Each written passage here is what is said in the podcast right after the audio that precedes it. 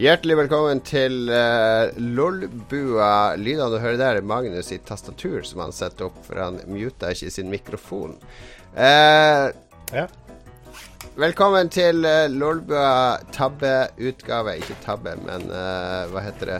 Passiv-aggressiv dårlige, dårlige vaner og passiv aggressivitet skal det handle om. I hvert fall dårlige vaner. Jon Cato heter jeg. Uh, Lars, du er akkurat kommet deg av flyet. Ja, landa kvart på åtte. Eh, en time senere var jeg her og prøvde febrilsk å logge på. Jeg ble til og med kjørt av to kompiser. Eh, takk til Simen og Irja som kjørte meg, sånn at jeg rakk eh, kveldens innspilling. Beklager at Jon Cato er veldig sur for det, men eh, vi er nå her, så det går bra. Nei, altså hvis flyet var forsinka, så er det gyldig unnskyldning.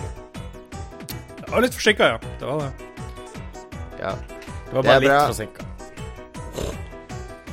Det er bra. Vi, er, vi, er, vi blir jo vi, Neste episode Vi er episode 199 for de som teller. Neste episode blir episode 201. Eh, fordi at vi sparer episode 200 til vårt jubileums-liveshow. Eh, det betyr at vi, vi, blir jo basically Lolbua 201 neste gang. Vi går inn i en ny og uh, profesjonell tidsalder med masse Excel-skjema og struktur. Og uh, tidsskjemaer og straff til redaksjonsmedlemmer som ikke møter opp uh, når de skal. vi må tenke ut hva straffen skal være. Kanskje noen i entorasje eller Lolbua-lyttere har noen gode forslag. Kanskje kjøre baris i neste episode hvis man er for sein. Profesjonalitet er liksom ensbetydende med straff, skjønner jeg. Hvordan er det i det krillbite? Er det Fryktkulturen? Nei, eh, ansvar, autonomi eller konsekvenser når man feiler. Sånn er min lederstil, også, i hvert fall i Lolbua. Vi har en eh, Det blir en hyggelig sending i dag. Jeg må bare uh, få ut ventilere all min aggresjon. Det, det, er også fordi jeg har vært alene med unger et døgn. Det er basically en 16 timers arbeidsdag der jeg går rett på min jobb nummer to, som heter Lolbua.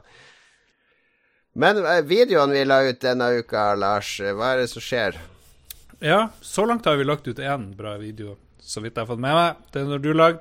Eh, stor konkurranse.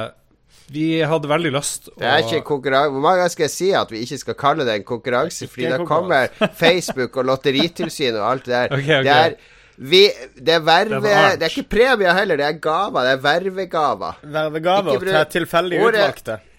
Har dere lest skjemaet? Ordet konkurranse og ordet premie. Det, det skal ikke nevnes. Det er som, det var som sendte reglene til deg, som måtte lære deg. Nå blir det mye klipping her. Take two. Hva, hva, hva, er det som skjer på Facebook, Lars? Det er en premiekonkurranse. Take tre. Hysj. ok, det er absolutt ikke en konkurranse hvor folk kan vinne Nei, de kan ikke vinne. De får delt ut Take fem. Du kan tape. Nei, vent!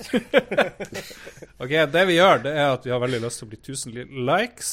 Uh, og det har vi allerede blitt, da. Mm. Men uh, Ja, det er faktisk ja, det, ganske bra. Det gikk uh, spruta opp med jeg tror det var 40 nye på bare sånn noen timer. Og for, takk, som takk for hjelpa, da. Vi er jo et stort kollektiv, uh, så har vi gaver. Um, fire stykk. Noen er veldig bra, noen er ganske dårlige. Beste, spør du meg, er jo uh, brødene fra Magnus. Nummer én brød fra Magnus. Nummer to uh, er å få lov å spille pubg med Mats. Um, noen runder. Nummer tre, stæsj fra Krillbite. Sikkert bare sånn her Du får sånn slips og sånn her drit. Bare tull. og, og dårligste gaven er at du, Dyrt slips. Ja, Signert dyrt, dyrt okay, slips. Det er veldig bra. Absolutt nederst av de her gavene så er det i hvert fall å få en telefonsamtale fra meg um, med bursdagssang. Med bursdagssang. Ja. Ja, det, er, det, er, jo den flotteste gaven. Herregud, det er rett fra hjertet. Ja, det, og, det, og, det, fortsetter vi med helt frem til søndag, så folk må bare uh, drive og pushe, pushe, De som hjelper de, oss videre med å få flere likes. Kan de bestemme kan de, kan de, typisk be om promillenivå, Lars, når du uh, ringer? det kan de selvfølgelig. Det, det kan ja. yes. det, Jeg hadde noen ideer her, fordi vi kommer jo over, to, eh, over 1000 så langt. Så hva med om vi sier nå at hvis vi kommer til 1100 i løpet av uka Oi. Så legger vi til en tier til, altså en ekstra gave, som blir enda kulere enn de som oh, er shit. Oh shit, det høres veldig bra ut. Sånn at, eh, det er sånn at alle som da liker oss, eh, uh, Nå prøver jeg ikke å bruke noen sånne uh, kjipe ord her, men uh, alle sammen kan ende opp med å motta en gave fra oss tilfeldig. What? Ja, vi, vi, vi, trekker jo fra absolutt alle som liker oss. Ja, ja, det gjør vi jo allerede, mm. så vidt jeg vet. Ja. ja, ikke sant. Så uh... vi ser, vi, Men vi sier i hvert fall nå Når vi uh, 1100, så legger vi til en superkul uh, ekstra gave. Og så var jeg også inne på ideen Kanskje de kan få velge hvem som skal gjøre hva. Så at uh, Lars må bake brød. Nei, da blir det altså, bare Magnus synger bursdags... Ja, alle skal jo ha bursdagssang. Bare en sånn mobb. Ok ja vel. Nei, bra. Nå er jeg bedre, jeg er bedre humør. veldig bra. veldig bra Følg med oss videre ute i uka på Facebook-sida vår. Lolbua, vanlige Lolbua-sida. Det er der det skjer. Uh, og Det er der vi kommer til å fokusere innsatsen. Fordi. Vi har liksom neglisjert den vanlige Facebook-sida. Det er jo veldig, det er veldig corp og veldig kjipt å drive og styre med Facebook-sider, men vi må jo nå ut til folk. Mm. Og jo flere folk vi når ut, jo gøyere syns vi det er å holde på. Og jo flere tilbakemeldinger får vi, osv. Jo mer attraktive blir vi. Er ikke vi attraktive? Snakk for deg sjøl. Jeg, jeg, kan stort sett ikke bli mer attraktiv. I hvert fall ikke nå når jeg har fått mine lekre, progressive briller. Ja. Uh, vi, uh, vi, skal uh, snakke litt om hva vi har gjort i det siste. Jeg har Jeg kan si som vi har aldri gjort så mye Hele sendinga kunne egentlig handla om hva jeg har gjort i det, i det siste, føler jeg. Fordi det har skjedd utrolig mye kult i det siste. Det skulle vært 100 Jon Cato denne sendinga i stedet for 60% som det bruker å være. What the fuck? Ja vel, kom og fortell nå det kuleste, da. Så, liksom. Jeg skal velge én ting. For jeg, synes, jeg hadde en sånn der uh, Den helga som var nå, det er, det er sånn der um, Sånn Hollywood-helg, hvis du ser på Hvis du ser på sånn familiefilmer og sånn Hollywood-lykke og sånn eh, Hva en familie bør gjøre. En riktig Riktig oppdragelse, riktig familieaktivitet sånn. Så den helga nå var en sånn ekstremhelg mm. eh, for meg, da, med, med mye ting som skjedde. Fordi det begynte på fredag. Da var, skulle vi ha sånn jobbpils, eh, som jeg og et annet selskap arrangerer. Eh, jobbpils! Utrolig spennende! Oi, og, sånn var, og samtidig, samtidig, hadde min kone Skulle også ut på sånn jobbpils. Så vår eldste sønn var barnevakt hjemme, som gikk helt strålende. Så vi var på hver vår kant av byen. Og, eh, barnevakt! Og hadde, Den historien har alt! og hadde sosial tilstemning. Og veldig hyggelig jobbhils. Vi spilte morsomme brettspill. Vi spilte Monikers, som er et mime-forklaringsspill, osv. Vi spilte Secret Hitler, selvfølgelig. Uh, og så tror jeg jeg møtte min kone litt senere på kvelden. Var vi nede i Arkadekjelleren til Tilt. Uh, strålende sted der det var datarock-konsert, fordi de har sånn alternativ bylarmversjon der. Eh, som funka helt bra som konsertstedet. Eh, dro hjem, avløste barnevakta, sov til halv ti neste dag. Ut på kunstutstilling på Astrup Fearnley med hele familie og niese og en, eh, min søster. Og hun hadde med seg en 15 år gammel gutt fra Japan som var i Norge og studerte Japan. norsk. Ja, så da kunne jeg si Konnichiwa! og sånne ting til han. Og han bare åh, åh, åh, lo sånn der høflig. Sånn, sånn som japanerne ler når de bare tenker 'fuckings idiot'. Ja. Jeg ler av deg, ikke med deg. Vi var på uh, Astrup Fearnley, Lizzie Rich og Ryan Trekartin-utstilling. Moderne kunster, sånne rare statuer laga av rare ting. Uh, mye hard samfunnskritikk. Blant annet var det en veldig trist mann eh, som satt på huk, så ut som han holdt på å dø, eller var litt, var litt sånn rar. Som var laga noe sånn tørka greier. Eh, vi klarte ikke helt å skjønne hva det var, inntil vakt sa at det var tørka mango. Altså, ja. Og da kobla det, for det var jo selvfølgelig en mangoloid som de hadde laga, som satt der. Uh, Jesus lord, hva er det for noe som skjer? Det er min, min, uh, mine kunsttolking. Men hele familien der, da. Og så dro vi uh, hjem, lagde litt middag. Så kom det selvfølgelig besøk etter middagen. Et par venninner av min kone kom innom på uanmeldt besøk. Uh, skjedde ting hele tida. Det kom noen barn innom. Venninner og, og, barn kom innom. Å, oh, herregud. Nå er Hollywood uh, komplett her. Hele Eh, kvelden foran datamaskinen, spilte litt Litt Dangerous. Koste meg med en whisky, og så var det tidlig i seng. For i søndag så var vi ute hele dagen. Farta, frisk luft, natur osv., osv. Og det er sånne helger som man tror at en familie i Oslo skal ha hele tida. Vi vil i hvert fall ha vil ikke du ha det hvis du hadde hatt storfamilie, Lars? Et sånt hus der alle kan komme og gå. Sånn som Seinfeld sin mm. leilighet. Ja. Der det kommer folk innom hele tida og, og sånt. Ja. så ja, det, jeg syns det var en veldig For jeg, min Og nå kommer jeg inn på hjemmeleksa til neste uke. For det, det skal vi begynne med igjen. Det har vi ignorert en stund. Men hjemmeleksa til neste uke er Beskriv din drømmehelg. Altså, hva, mm.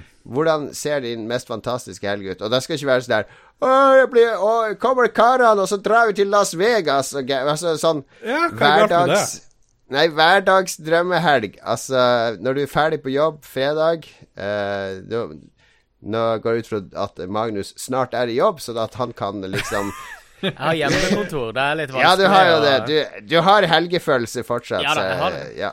Ja. ja. Når du er ferdig på jobb fredag, hvordan skal helga da være for at du skal mene at det er en perfekt helg når du legger deg søndag kveld? Hva er det du har gjort den helga? Hvem har du hatt på besøk? Hva har du spist? Hva har du spilt? Sett på TV? Okay, okay, har du vært på kino? Har du vært på byen? Ja, men det forteller mye om en person. Fordi min drømmehelg, det jeg beskrev nå, er absolutt ikke min drømmehelg. Det er en ganske slitsom helg for min del. Så, så det var derfor jeg begynte å tenke på kontrasten mellom hvordan min drømmehelg er i forhold til hva, hva en drømmehelg sånn fasademessig Tomt hus, pubg på PC-en. Jeg kan skrive den for deg, Jon. Nærme deg. Nærme deg. ja vel. Jeg har vært i Trondheim, kom veldig seint fra flyplassen. Um, gjorde mye kjedelige jobbting, men jeg fikk møtt en gammel kompis som jeg tror ikke er noen av oss i gjengen uh, En sånn Harstad-gjeng-dude. Skal ikke nevne navn, men uh, første gang på sånn ti år, åtte år, jeg vet ikke. Uh, for opp til uh, opp i høyden i Trondheim, finere strøk. Tok drosje opp dit da jeg egentlig skulle være på sånn fancy jobbmiddag. Og så så vi en skrekkfilm som het Morrow hva heter det for noe? Hva heter beinmarg på uh, engelsk? Mar marrowbone. Uh, marrowbone. Het den der uh, familien. Og så bestilte vi asiatisk mat og prata skit om gamle dager. Og utrolig koselig. Super, super koselig. Det er lenge siden jeg hadde et så koselig møte som det. Altså. Fikk litt spilltips, og han er veldig glad i sånne 4X-spill, så da eh, dypt i det, og mods til ulike Det passer jo bra for deg, for du er veldig glad i sånn trippel X-filmer. Så det går jo 4X-spill hånd i hånd. Gjør det. Gjør det. Hva er 4X-spill for noe? Uh, command Nei, Command Command er jo ikke Altså, Explore uh, Expand uh, Exterminate. Exterminate er med. Altså, det, det er basically Civilization. Hva er den siste, ah, okay. ja, ja, ja, ja, riktig. Ja, du har fire sånne kjerneting du gjør der. Mm. Mm. Den siste, da? Ex ja, hvis noen lyttere vet hva den siste er, så send en mail til lars.rikard.olsen.ht.no, så Gjør det. Gjør det. Og uh, dra hjem til Jon Cato og tilby barnevakt. Hysj, hysj, hysj. Lørenskogveien 73. All right. Men uh, du møtte han uh, Ja, du vil, du vil, ikke nevne navn eller noe? Det var hørtes veldig suspekt ut. Respekterer privatlivet. Uh, men jeg håper han kan bli en del, mer aktiv del av Lolbua. I forrige episode hang du ut en kompis som rasist, mens nå skal du plutselig respektere privatlivet. Ja, jeg lærte min lekse. Jeg lærte min lekse. Han tok livet sitt, han jeg hang ut, så jeg tenkte jeg skulle ikke ja, Ok, ja, da må du være litt forsiktig. Ja. Det er bra vi ikke kødda, har noen Kødda om at han var rasist, og kødda om at han har drept seg sjøl. Litt dårlig humor. Her må vi si. strålende humor. Det er øverste hylle. Ne neste episode får han høre at han er pedofil. Yes. Følg med på Lolbua. Uh, Magnus, har du ja. noe exciting news?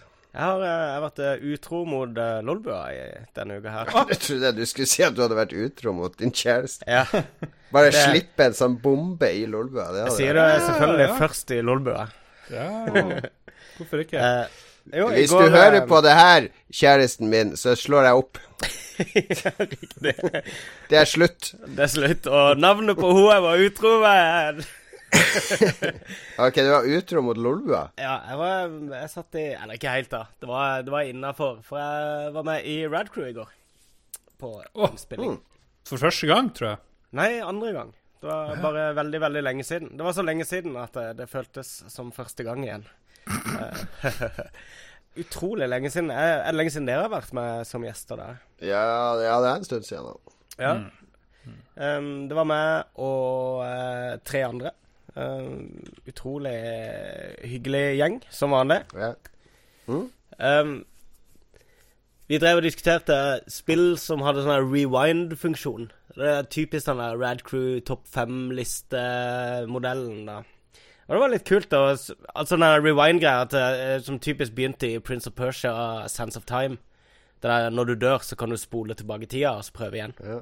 Um, så det var Hadde kult. Jostein uh, lagt inn uh, at han hadde klart på soundboard en sånn derre spole tilbake-lyd sånn mellom hver?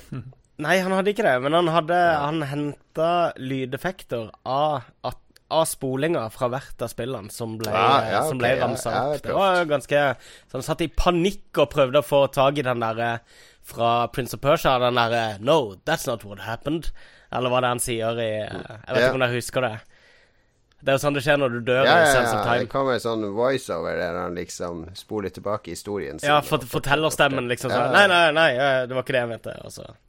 Um, men den fant vi aldri. Men den fant jeg en, eh, et fint utdrag fra introen. Men det var en hyggelig gjeng, og vi ble jo sittende dritlenge. To og en halv time satt vi og spilte inn.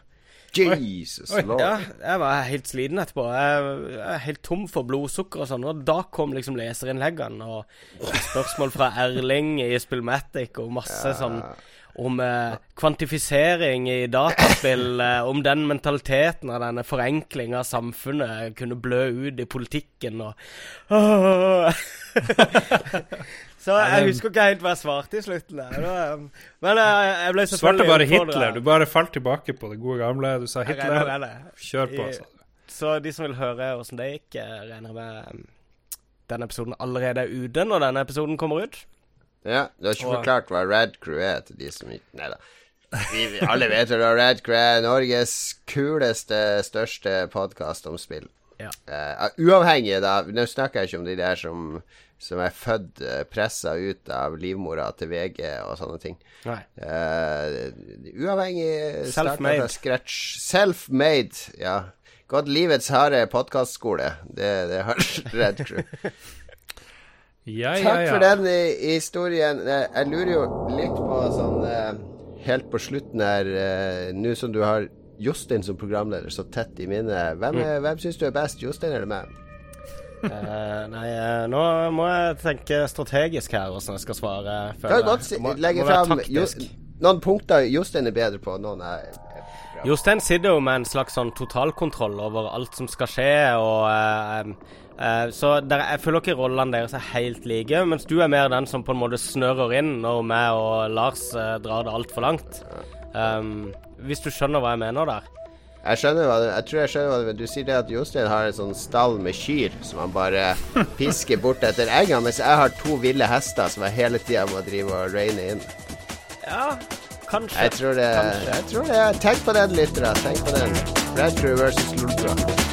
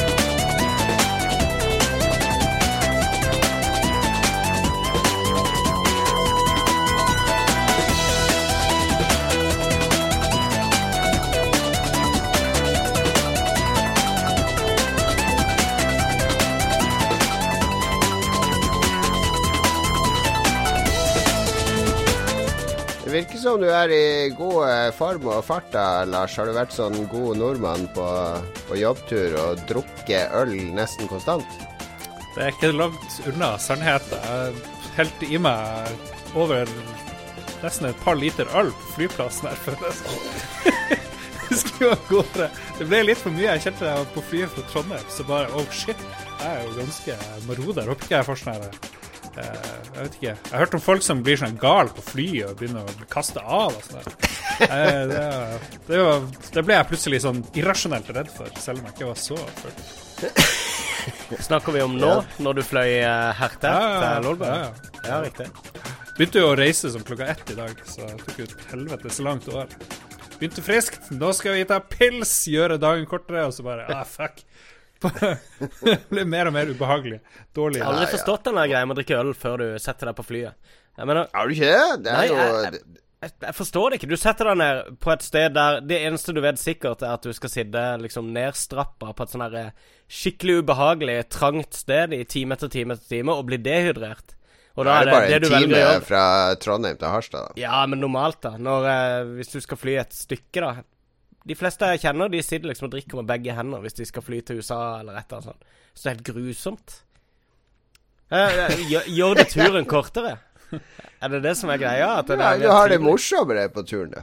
Og hvis du har litt sånn reiseangst, så kan det, kan det jo roe ned nervene. Det er jo en Ja, eh, den, den ser jeg jo, men eh, jeg, jeg Og hvis bare alkoholen er gratis, så, så drikker jeg med begge hender. Jeg blir bare pissetrengt. Så sitter jeg der nedstrappa og sitter og venter på at det der lyset skal slutte å Du blinke. trenger, trenger ikke å strappe deg sånn ned. Det er bare å gå opp og gå litt, du går på do og tusle litt. Er Koselig. Ja, det er kjempekoselig på fly. Er det lenge siden du har flydd, Jon? Eh, Jeg skal fly til San Francisco. Jeg vil gjerne straks. se noen personlige opptak med mobilen fra Du vet, uh, igjen, jeg hater å dra det eh, barnekortet, da, men når du har tre barn, og spesielt når du har små barn Det å- sette deg sette på et fly til USA, slå av mobilen og vite at de neste elleve timene så er det absolutt ingen i verden som kan forstyrre meg. Sett deg med Kindle, en whisky, en øl Det er jo himmel, himmelriket. Jeg kunne flydd i 30 timer. Hvis du er åtte timer ut i den flyturen, Jon Cato, kan gjøre noen opptak hvor du forteller oss hvor mye du trives på den flyturen, eh, så Det kan jeg utmerket godt gjøre på toalettet. Jeg har null problem med å fly. Husk at jeg har flydd i, i 13 timer med spysjuke. Selv det var en relativt behagelig tur. Da var jeg på dass og spøy annenhver time. Vet du ikke hvem som ikke- ikke, ikke syns det er gøy å fly? Det er jo leger. For det er jo hele tida 'Is there a doctor on the plane?' Ja. For det er jo bestandig noen som blir syk, og så må de Mm. lande, og så er det stakkars, sikkert en stakkars lege som jobber overtid og greier. Det er ingen som roper 'Is there a CEO of a game company here on the plane?' Det er noen frilansskribenter her.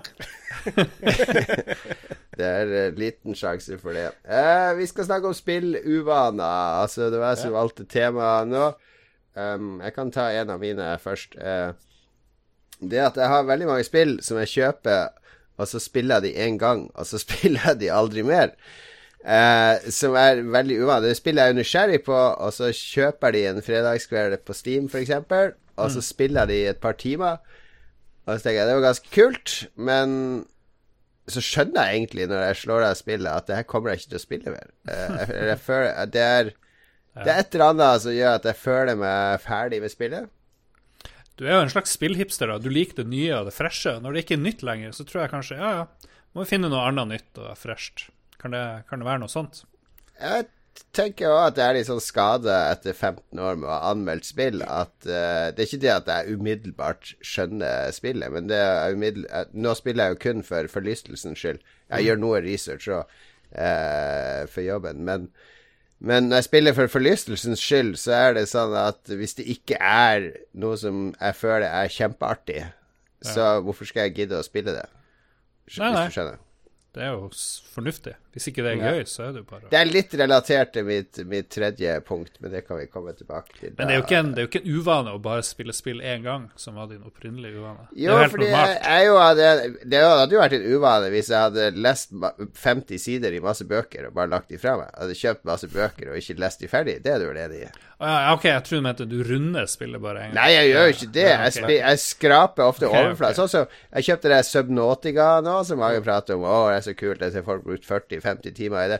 Jeg spilte jeg i tre timer, og så Det er Du booter det opp én gang. Det er kun én Ja, booting. nettopp. nettopp. Ja, samme- et play. Jeg har helt samme greia. Jeg, jeg har gjerne sånn, og det har jeg oppdaga kult, for jeg er en sånn sucker for uh, hype.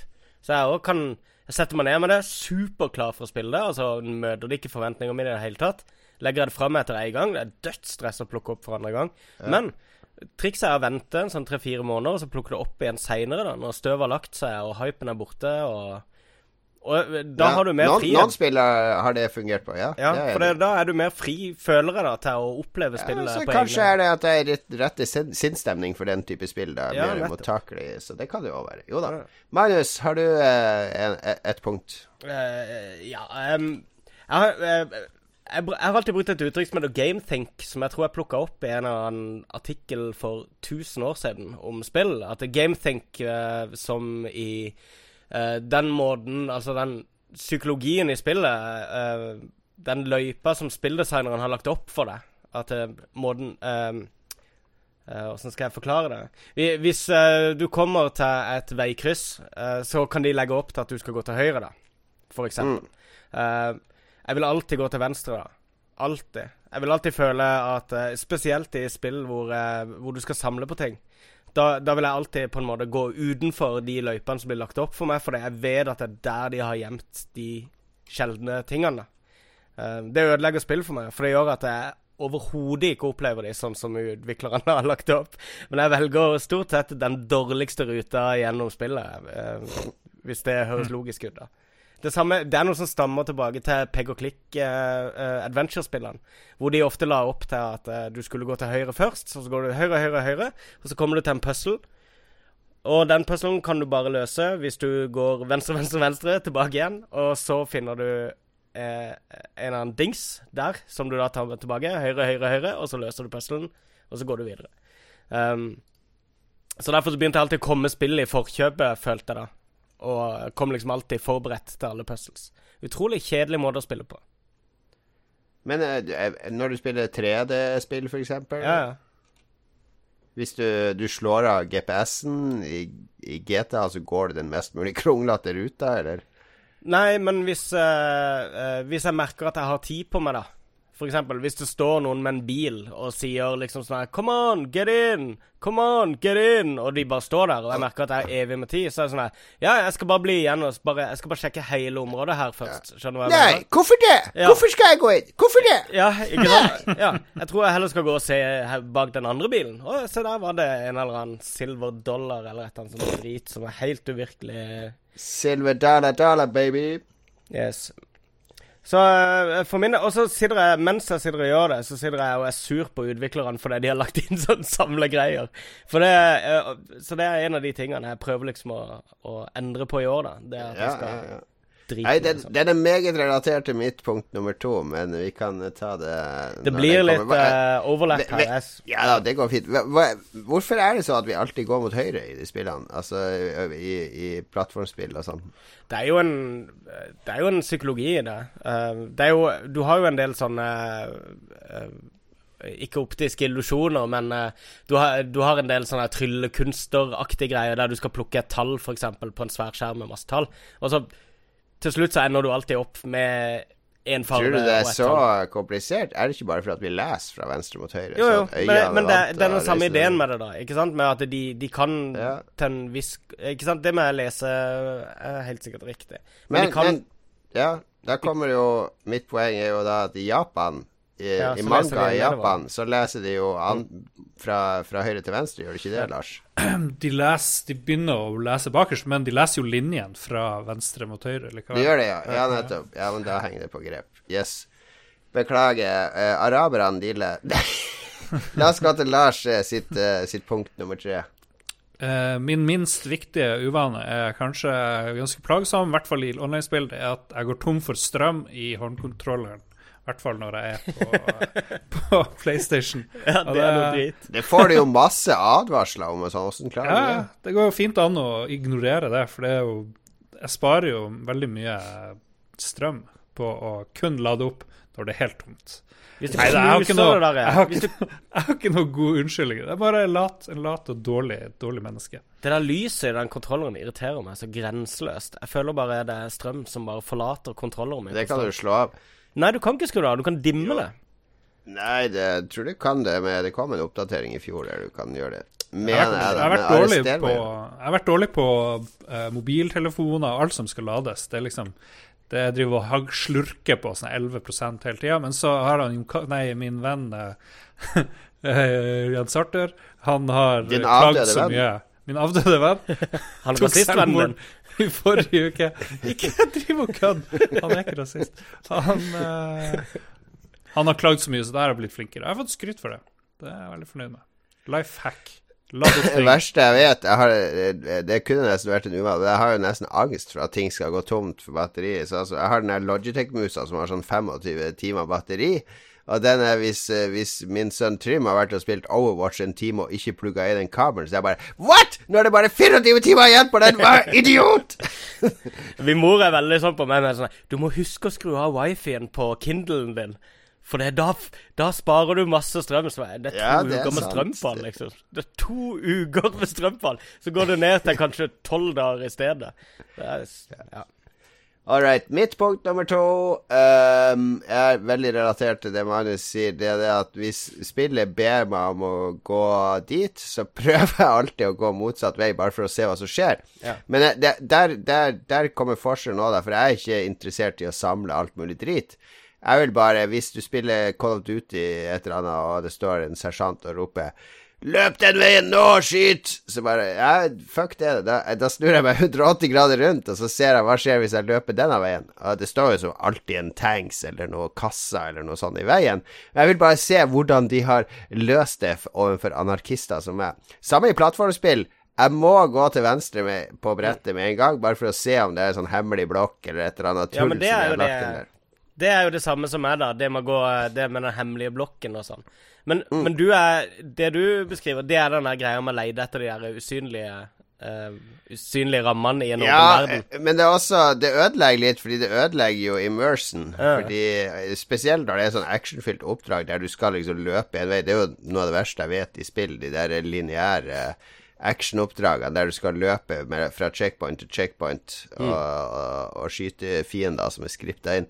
Så jeg prøver alltid å, å bryte illusjonen og, og, ødelegge litt for meg sjøl. Det er sikkert fordi jeg, jeg, misliker den type spilleopplevelse. Så du saboterer din egen opplevelse fordi ja, du ikke har lyst til å like det? Det er jo definitivt en uvane, vil jeg si. Mm. Magnus, punkt to.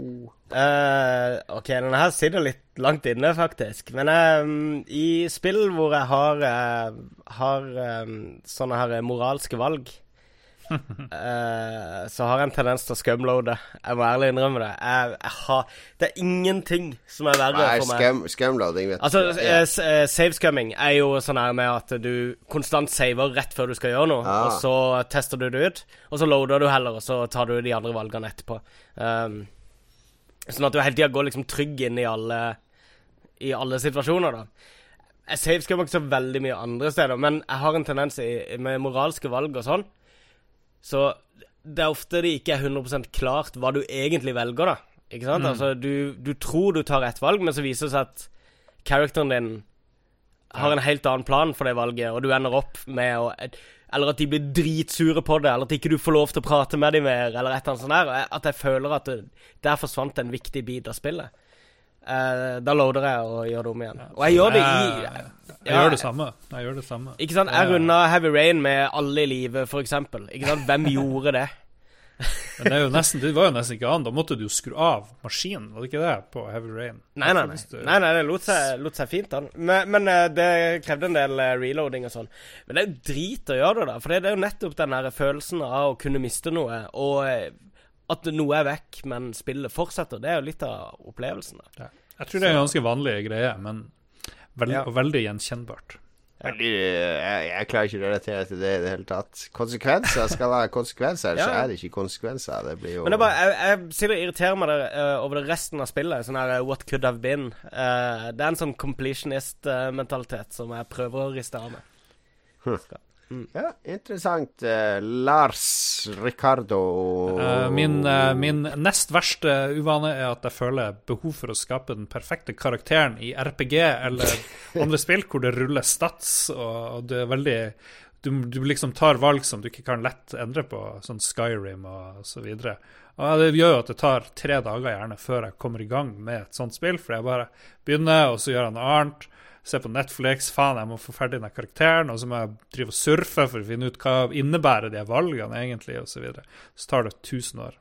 Og, og ja, du sitter og researcher og leser absolutt alle punkter. Ja, jeg har samme greia mm. i uh, ja. Type sånn Pillars of Eternity og sånn her, som er grisedype. Og det er liksom en roman skrevet om hver eneste stat.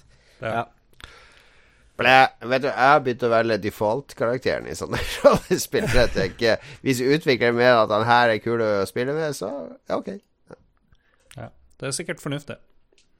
Jon Cato ja, ja, ja. Uh, uh, bare ett punkt, eller en apropos til din. Fordi når jeg spiller sportsspill, så prøver jeg alltid å lage den mest motbydelige, ekle karakteren noen gang. Jeg har noen prakteksempler i Tiger Woods på noen eh, fantastiske monstre som driver og tramper rundt på den grinen. Det er helt et par av de spillene hadde en sånn fantastisk engine der kunne lage sånn pipestilkbein og sånn dvergeoverkropp og og eh, det deformerte vannhodet og Det er helt absurd hvor, hvor Det kan det, det funker bra i sportsspill og sånne ting, men jeg, jeg, hvis du gjør det i andre spill som liksom tar en sånn 50 timer å runde, så er det ikke så vittig lenger når du liksom ja.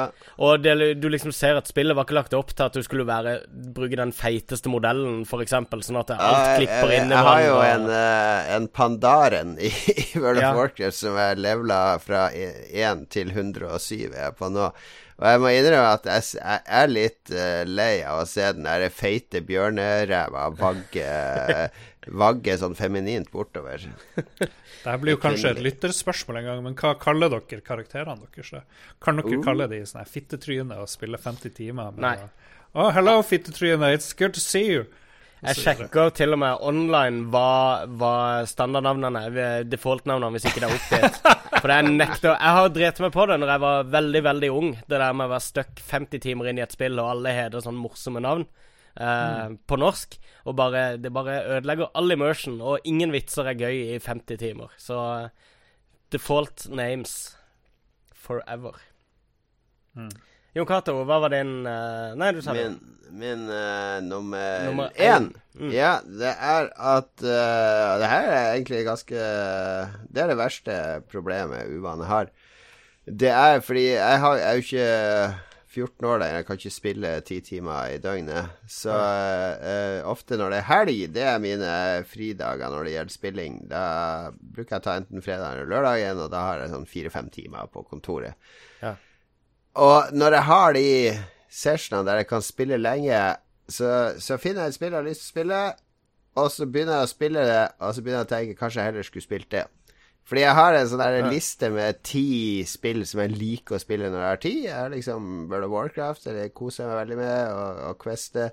Elite Dangerous, jeg har Dead Cells, jeg har Dark Souls 3 som jeg holder på med litt. Så jeg har masse sånne spill som, er, som ligger der og venter til jeg har mm. tid.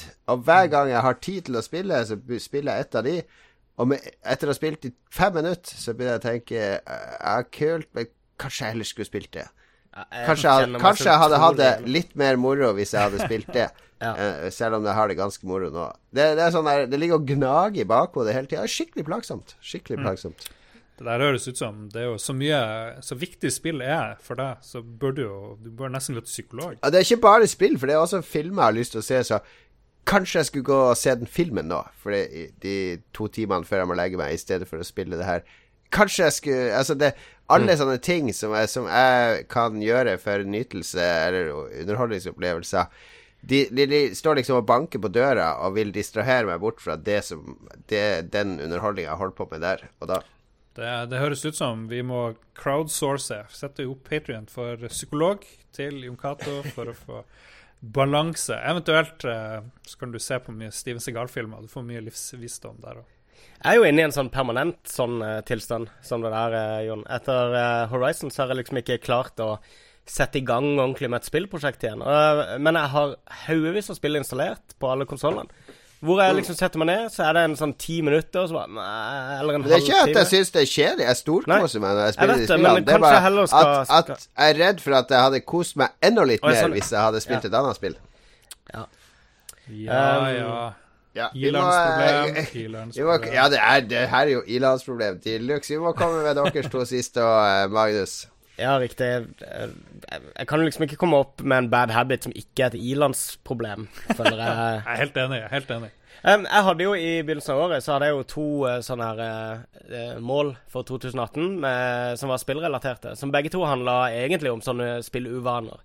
Der, um, den ene var at jeg skulle runde ti spill i løpet av året. Og den andre er at jeg skal runde et rollespill som uh, bad guy. Og Derfor så Sistnevnte tok jeg da inn som, som en sånn uvane. Det der med at jeg er chaotic good i alle spill. Jeg tror det er riktig Er ikke det riktig beskrivelse av det man er? At jeg, jeg skal alltid være liksom Schindler i, i spillene. Um, og eh, ikke sant? redde de svake. Alltid være den som står opp for de som blir undertrykt. Alltid ta valget med at 'nei, nei, jeg trenger ikke penger, det går bra'. Jeg er alltid den som støtter de undertrykte, osv., osv., osv. Jeg Ja. tar alltid den derre Føler jeg at det er den kjedeligste at Det mest som er det er den mest generiske karakteren i spillet, alltid. hvis, hvis det høres, uh, høres Du blir jo ut. pressa til det på et vis, blir du ikke det? Ofte. Jo, men spill er mer interessante hvis du gjør deg sjøl litt mer interessant også, tror jeg. Eh, så jeg, jeg tror mange spillopplevelser hadde vært bedre om jeg hadde spilt det litt med litt mer eventyrlyst, da. Enn å bare vi, eh, tenke sånn taktisk. Skal vi bli enige om at neste RPG-en i spill, eller hvor det passer, så er vi skikkelig ond? Er det Ja. en greie? Ja.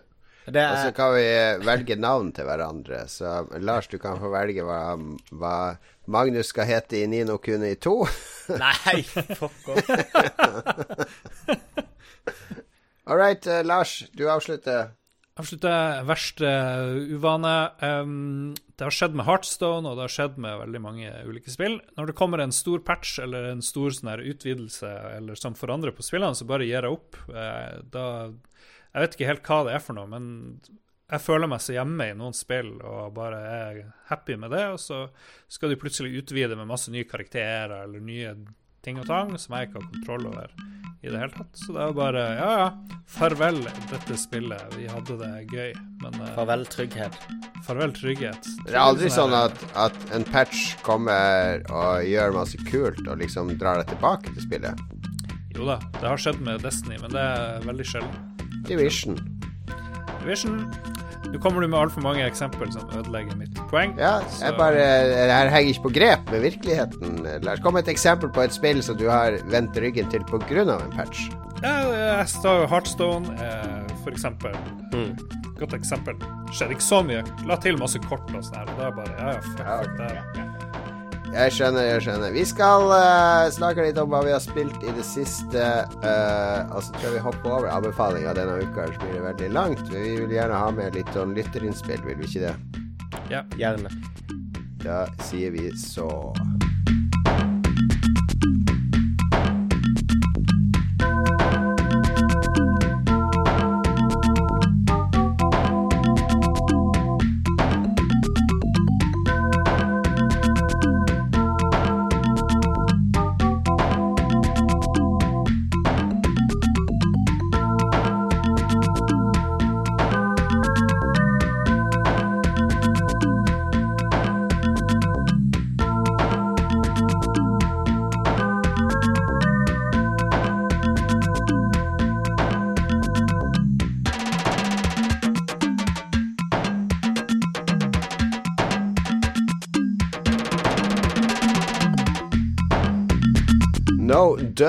No Cry het eh, den låten fra et eller annet Sega Westsoft-spill. Det er en sånn compilation-side som ikke sier hvilke spill låtene kommer fra, men alle er fra spill på Sega, Sega Megadrive.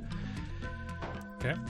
Hyggelig sang, hyggelig sang. Veldig megadrivsk er instrumenter. Hva har du spilt i det siste, Lars? Du har runda et spill.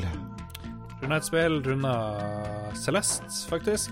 Det Det er jo selvfølgelig Oi. sist. eh, Det er jo liksom å runde Super Meat Boy. Plutselig har du den der svart, den der reversverden igjen, liksom. Men du har jo på et vis runda spillet, vil jeg påstå. Jeg har i hvert fall du fått tatt en, en eh, kredittsekvens. Det, Ja, det det. påstår jeg. Det er nok til å si du har runda det. Jeg Takk, syns takk. det. Takk, takk. Pluss men, liksom, det kommer en ekstra stage, og så er- har alle verdenene en sånn her bitter mode. Så jeg føler ikke at jeg fullførte det helt, men ja, uansett. Og det var veldig gøy. Det var veldig, veldig gøy. Har nevnt det det er vel det jeg spilte de tre siste ukene, og det har bare blitt bedre og bedre. Og begynt å like musikken litt bedre òg, faktisk. Så ja. Ja, så bra. Sterk contender for sånn her Game of the Year. Og eh, Veldig lite historie, men veldig effektiv historie, og veldig godt skrevet, syns jeg. Og er level design, bare helt sånn her vill bra level design. Um, litt sånn kjipt av og til, så du kan på et eller annet tidspunkt så kan du bli en sånn flamme som du styrer rundt eh, med Helst med thumbsticken, fordi den, det er så vanskelig å styre den med kun fire retninger eller åtte retninger. og sånt. Det, det er litt sånn kjipt, syns jeg, å bytte fra analogpaden til digitalpaden, som jeg føler jeg må gjøre noen gang. Midt i lufta når du hopper, for det blir sykt avanserte hoppebrett etter hvert. De som lurer på hva Celeste er, kan høre de forrige episodene. 2D, pixel, eh, hoppe og sprette spill, hvor du klatrer opp i et fjell. Men eh, triumferende, he- utrolig herlig sluttsekvens. Veldig, veldig eh, deilig. Bra, bra, bra. Um, Lars Magnus. Lars Magnus. Det er Magnus. lenge siden jeg har sagt feil nå. Ja, det var det. Det var nesten litt sånn uh, Jeg fikk litt sånn uh, nostalgisk følelse når du gjorde det. Um, ja, jeg har spilt Hva skal vi kalle det? Dyreversjonen av Phoenix Wright. Uh, den viktorianske Phoenix Wright. Det Det er et Det høres veldig rart ut. ja, det som er et, um, jeg er superfan av advokatsjangeren. Og jeg, jeg syns det, det er stort nok til å kalle det en sjanger. Spill hvor du utforsker et åsted, finner clues rundt Har du en indre drøm om at du skulle ha vært advokat? Eh, jeg har ei mor som pusher meg på det der eh, nesten Mm. eh, hver måned. Så får jeg høre at jeg burde vært advokat. Um, Utrolig kjedelig. Driver mor di og maser om at du skal være advokat? ja, ja, ja, ja. snart 40 år, driver og maser om det fortsatt. Ja, ja, men jeg, jeg, tror, jeg tror det er ment som komplimenter, ikke som Ja, uh... mødre, de har ikke peiling. De, er, de kan ikke grense mellom kompliment og bullshit. så Nei, det er helt korrekt. Det er helt Du korrekt. må bare be å slutte. Si Men jeg er i hvert fall veldig glad i spill hvor jeg eh, kan være litt detektiv og litt advokat og litt uh, adventure puzzle eh, solver. Og der er jo uh, Phoenix Wright uh, Ace Attorney-serien er vel den mest kjente i den sjangeren her. Men Aviary Attorney er et um, indie-spill som uh, jeg tror ble funda via Kickstarter i sin tid. De, det foregår i Paris på midten av 1800-tallet, og det som er så kult, er at alle tegningene i spillet er henta fra en sånn kjent satirisk eh, Sånn politisk karikaturtegner fra begynnelsen av 1800-tallet eh, i, eh, i Frankrike. Der, der han liksom fremstiller Han, han karikerer alle borgerskapet da som forskjellige typer dyr. Som type sånne her haner og um, kaniner og ulver og rever og så videre. Da. Og så da har de, I dette spillet her så har de bare henta inn alle disse tegningene som eh, karakterer i et eh, i et Paris da, eh, som er i ferd med å gjennomgå en revolusjon på midten av 1800-tallet, så det er, det er ikke helt sånn historisk eh, parallelt med virkeligheten. da. Um, I løpet av spillet det, det er sykt morsomt. Det er veldig sånn lun britisk humor over det, med mye puns. Uh, der de tuller mye med absolutt alt rundt seg. Det er en uh, uh, det, er, skrevet på en litt sånn viktoriansk måte, samtidig som Ja, som det ler mye av seg sjøl. Utrolig kul verden. Eh, ikke så veldig vanskelig, men veldig trivelig hele veien. Du, eh, du har litt intriger, du har puzzles som skal løses, du har bevis som skal uh, føres, og så videre og så videre. Modellen kjenner en jo ganske godt fra Phoenix Wright, men så har de henta inn et element fra Som jeg bare kan huske fra faktisk fra LA Law. eh, spillet What? på eh, tidlig 90-tallet, som også var et sånt advokatspill. Der, der du har begrensa tid på å få henta inn eh, bevismateriale før rettssaken begynner. Så du må sjøl disponere tida så bra som mulig for å være så forberedt som mulig når du kommer til rettssaken. jeg hater sånn her tidsbegrensning i spiller, så det Ja, men det er ikke sånn at du må sitte og forte deg. Det er sånn at eh, hvis du skal dra dertil, og eh, for tredje gang, Mm. så, så bruker du en hel dag på den turen. Så da må du vite at eh, da ofrer du noe annet, liksom. Jeg driver og kikker på en video. Er det sånn uh, Hva det heter Litterær novellespillaktig sjangeren? Er det det? Eh, Ja. Ja, altså, det er akkurat som Phoenix Wright, egentlig. Det er mye bilder som står så å si stille, med sånne bitte små animasjoner på. Um, det er tekst som sier brrrt, og uh, det er sånn symballyd for, for, å markere når noen roper. Og veldig vakker, klassisk musikk i bakgrunnen. Hm. Et, et, overraskende sjarmerende spill. Altså. Jeg, jeg, virkelig koser meg i, i det spillet. Og ut, bare ut fra skjermbildene så ser det kanskje ikke all verdens ut, men uh, ja. Fin verden. Nå, uh, jeg har spilt uh, The Avery Attorney. Uh, jeg vet ikke om det er studio, det er Sketchy Logic, om det fins lenger. jeg prøvde å finne noe ut om det, men det er jo De kan jo kalle det en homasj til, til, Ace Attorney. Ja, og jeg, jeg tror nok det er tittelen også. Aviary Attorney. Ja. De ja, det, er, liksom... det, er, meget bra vellaga og kul stil og, og mm. morsomt. Mm. Koster en hundrelapp på Steam. Ja, ja. Kjøp det. Det tar to-tre timer å runde. Med mindre du er sånn completionist som Magnus som skal klikke rundt på alle piksler i hvert bilde for å se Det er, det er veldig få områder du kan klippe, øh, klikke på sånn. Det, det, er veldig avslappende spiller. Det er, ja, du trenger ikke tenke på det. Det er ikke noe sånn her uh, pixel-hunting eller noen ting, altså. Godt å høre. Godt å høre. Jeg har spilt uh, jeg, mener, jeg spiller veldig tilbake til resten av det jeg spilte vel i tre år da. Ja.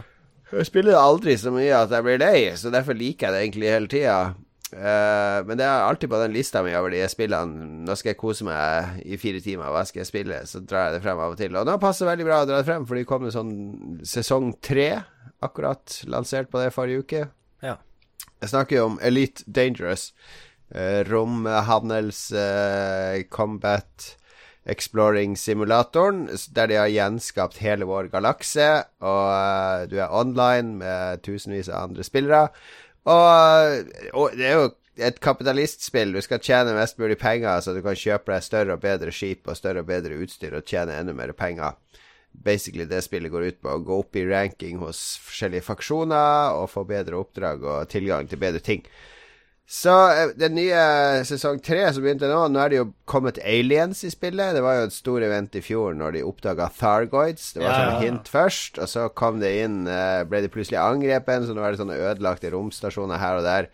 Jeg ser ikke noe til det i det hele tatt. det var vel orkestrert, den måten de henta det inn i universet ja, på. Ja, veldig, veldig kult. Det, og det er jo et spill som forteller veldig mye utenom det som skjer på skjermen. Ja. Altså, eh, det som skjer på skjermen, er ikke så spennende, egentlig. Ikke engang når du slåss og sånn, men det skjer mye i kulissene hele tida. Det er en hm. historie, og det er faksjoner, og det er uh, ting som foregår. Så med, med 3-0 nå, eller sesong 3, så har de pussa opp ganske mye. Oppdragene har blitt mye mye kulere. Du kan velge forskjellige rewards på oppdrag. Du har masse sånne ekstra items du kan samle på for å få tilgang til nytt utstyr. Sånn, sånn nye sånn eksperimentelle våpen og, og reaktorer og sånne ting. Uh, du kan liksom la dem på planeter og lete etter soner med forskjellige mineraler og ta dem med opp og samle opp noe av det sammen med blueprints og andre ting. Uh, så det er ganske mye å gjøre. Så det er mye forskjellig du kan gjøre hvis du har lyst til. Og jo, Det som er like godt med Litt Dangerous, alltid er at du er i sånn konstant læreprosess. Fordi spillet, de tutorialene lærer deg hvordan skal du fly, hvordan skal du hoppe til andre systemer, hvordan skal du dokke. Greit, da kan du det. Vær så god. mm. Altså er det Jeg tok for eksempel et oppdrag her som jeg holdt på med i to og en halv time. Eh, fordi jeg måtte liksom finne ut hva jeg skulle gjøre.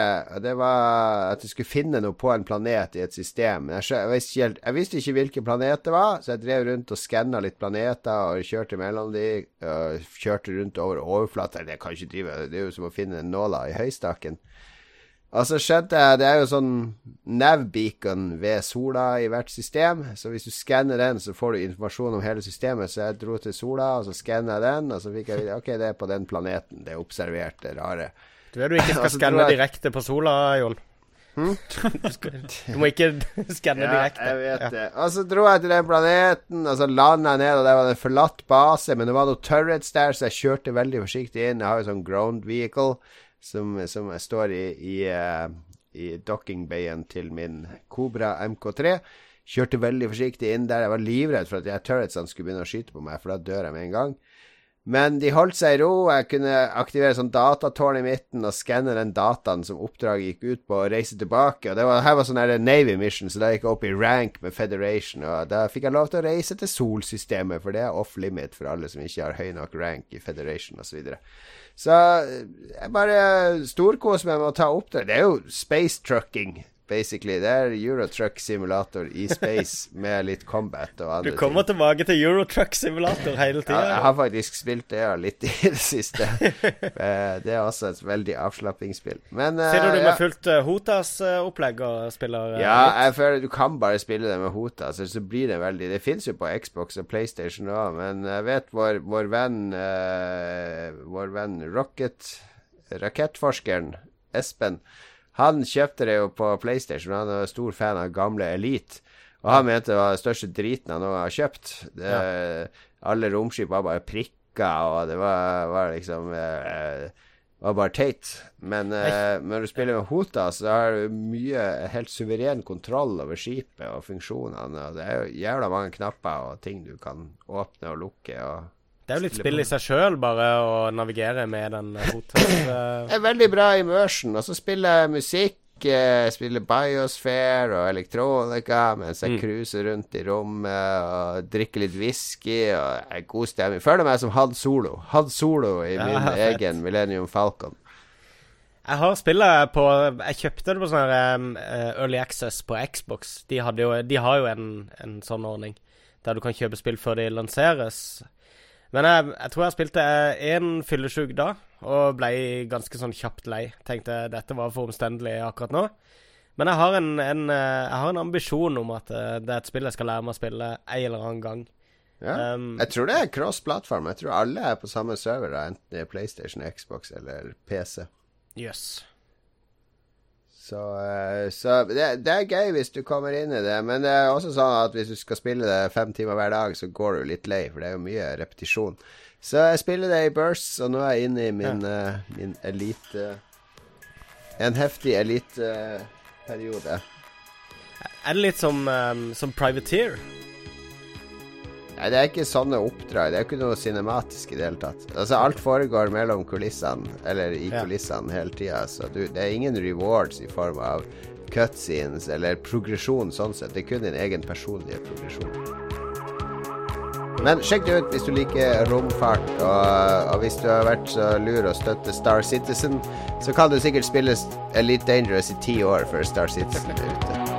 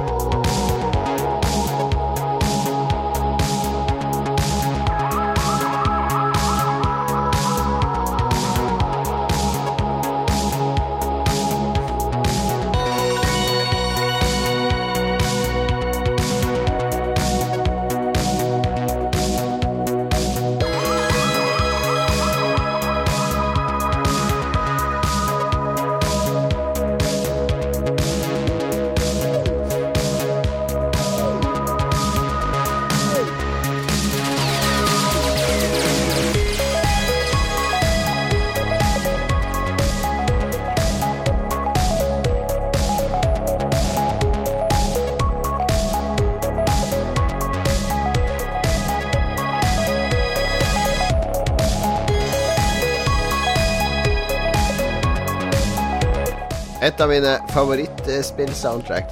Selv om jeg aldri har spilt spillet, det er litt sjeldent. Uh, Shatter heter spillet. Et uh, obskurt for meg, i hvert fall, indiespill. Sangen heter Aurora, og artisten heter Module. Nice. Det var min uh, Du har hørt to sanger jeg digga i dag. Den ene var en sånn remix av en Dårlig 64-sang, tror jeg. Som jeg Korrekt. kanskje ikke tror vi sa. Hva det var, det var Delta, Delta, eh, en OC-remix. OCRemix.org er en uh, sang, uh, site med masse spillmusikk-remixer. Sjekk ut. Vi tar med ukes anbefaling. Vi har ikke så dårlig tid. Oh shit. Oh shit. Så bra. Jeg kan uh, begynne, jeg, fordi jeg har jo brutt min uh, dogme. Jeg får alltid kritikk når jeg bryter min dogme, men det hender jeg bry må bryte min dogme når jeg ser filmer med barna, eller Jeg har jo mange unntak til den dogmen. At jeg kan se nordisk film. Si min dogme. Okay, min, min, dogme, min dogme er at du ikke bare slippe den, Jon? Min dogme er at jeg skal kun se film som er mer enn 20 år gammel. Og det holder jeg på. Det som en visjon. Ja, det er en ambisjon. Fordi jeg, fordi jeg ser nesten alt jeg ser av moderne film, syns jeg er drit. Men jeg har masse unntak. Hvis det har vunnet Gullpalme osv. osv. Uh, hvis det er nordisk, så kan jeg se det norsk osv. Uh, nå, men nå brøyt det veldig, og det var veldig fordi jeg har barn, eh, en gutt i åtteårsalderen og en i femårsalderen, som er veldig opptatt av Marvel. Så det hender jo at vi ser Marvel-filmer sammen. Og så hadde vi ikke sett den derre Thor Ragnarok Uh, jeg har egentlig Jeg har mm. falt helt av Marvel-lasset. Jeg er null interessert i Civil War og det her som kommer, for jeg syns de begynner å vikle seg inn i sin egen uh, seriøsitet nå. Men, Men Tor er lagd av Det er lagd av en av mine En regissør jeg liker veldig godt. Han er australske som jeg ikke husker navnet på. Newzealandske Nå, nå snubla du i din egen Flight of the Concords-vits ved kalle han australsk. jeg, jeg, jeg, er jo nedi fra, fra de strøkene New, New Zealand. Yes. Ja. Nei, han er fra Australia, jeg skjønner. Han er uh... Er han det? I Flight of the Concords så er jo hele greia at de hele tida blir kalt for australiere, og de uh, hardnakka prøver å kjempe imot det imaget. Ja, det Googles det hardt, kjære lytter. Ja, jeg kan høre jeg Google jobbe. Jeg må du klippe. Det er han Taika Waititi heter han. Det høres jo mer Samoan ut enn noe annet. Jo, han er fra New Zealand. Han er fra New Zealand. Ja, right. og uh, What We Do In The Shadows. Yes. Han er like gammel som meg, faktisk. Eller, ja. ja. Like ung, Lars. Like ung. Jeg kan nå ha okay, regissert okay. film. Jeg har bare ikke fortalt det til dere. klipp det til. Klipp det til. Ok, det er, det er en av mine uh, Jeg liker den regissøren veldig godt, fordi What We Do In Shadows er en av de morsomste filmene jeg har sett de siste ti årene. Det er en sånn mockumentary om noen, noen vampyrer som bor i uh, fra, uh, i New Zealand. Sorry. Uh, Hunt for the Wilder People har sikkert ingen av dere sett, men det er en uh, fantastisk flott familiefilm om en tjukk gutt som blir adoptert bort til en litt bitter familie og ender opp på å flykte ut i skogen sammen med sin stefar. med myndighetene på jakt etter han. Uh, kjempeflink uh, regissør med masse humor og veldig sånn god timing. Uh, humoristisk timing. Og det var det som gjorde at jeg hadde litt lyst til å se Tor Ragnarok, fordi som han sjøl sa at det, Folk har intervjua han og sier at det er veldig sånn det, det, føles jo ikke som en Marvel-film. Det er jo mye morsommere enn Marvel-film. Åssen har du fått til det? Ja, det er bare å filme det på New Zealand, for da gidder jeg aldri å komme og sjekke hva du gjør. Så er det bare å levere et produkt som de da ikke orker å endre på etterpå. Og, og den, er jo, den er jo helt ulik de andre Marvel-filmene. Litt mer lik Guardians of the Galaxy, kanskje, men jeg syns den er mye morsommere enn Guardians of the Galaxy. For den er liksom Det er komedie hele tida. Det er uh, vitser og dialog og humor i hver eneste scene, omtrent. Absolutt. Ja, det er jo utvilsomt den morsomste Marvel-filmen. Og jeg vet ikke helt hva som har skjedd. Det må ha vært en glitch i The Matrix hos Marvel. De har liksom sluppet gjennom en ordentlig morsom film. Fordi seriøst, folkens, Marvel-filmene er sjelden sånn kjempemorsom og kjempebra. Første Guardians of the Galaxy var ganske morsom, syns ja, jeg. Ja, den er morsom òg, men ja. liksom den der, den der med, med, Iron Man mot Captain America Ja, den var Og den slutten der, det skulle være så dramatisk og tungt og alvorlig, og så bare Herregud, det er menn som kler seg ut og, og, og slåss og lekeslåss. Civil War. Det er jo du må ikke ta det så jævla seriøst, da. Jeg har, jeg har en dårlig nyhet. da Hvis dere ser Guardians of the Galaxy på nytt, ikke så bra som dere husker den. Jeg, jeg har sett den tre eller fire ganger, tror jeg. Ja, det kan være at de har Har du sett en annen film? Det kan være at de har patcha den, for da hater jo Lars eh. Alright, det var i hvert fall min anbefaling. Thor Ragnarok jeg har brutt min dogme. Jeg Så den sammen med barna. De elsker den, for det er jo slåssing og kamp hele tida. Hulken er med. Hulken er jo en barnefavoritt, for det å, å kunne utøve blind vold er jo noe av det morsomste barn vet, så, så alle barn elsker Hulken. Selvsagt. Jeg kan um, ta neste. Jeg har uh, skikkelig, skikkelig binge-watcha en TV-serie igjen. Og det slo det meg at det er egentlig ganske lenge siden jeg har gjort. Brukte to dager på å se meg gjennom uh, første sesong av Atlanta. Uh, kjenner til den? Amerikansk TV-serie. Den sagnomsuste byen som har forsvunnet? Yes. Nei, uh, det er snakk om uh, Det er en stat? Nei, en by. By. Atlanta. En by. Det er, en by i Georgia. Georgia.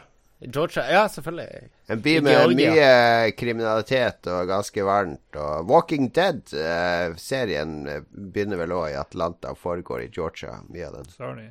Så er det masse teknologi ingen andre har. Eh, det er en, uh, en uh, sørstat, og det er også byen uh, Det er i sørstaten, mener jeg, og det er også byen hvor Donald Glover, han som er kjent fra Hva er det han het for noe? Troy i Community.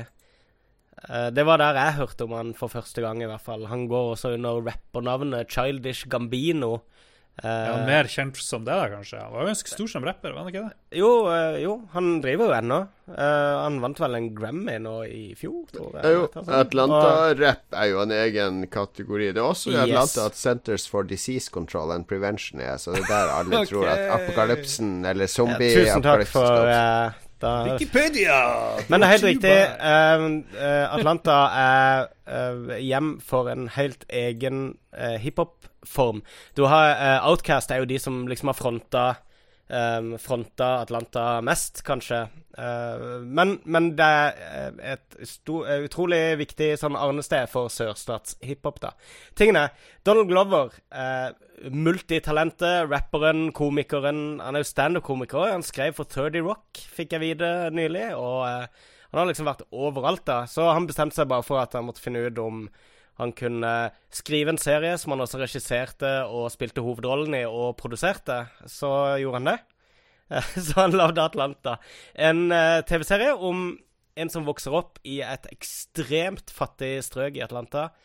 Um, han er basically hjemløs. Han bor hos kjæresten, som han har en datter sammen med.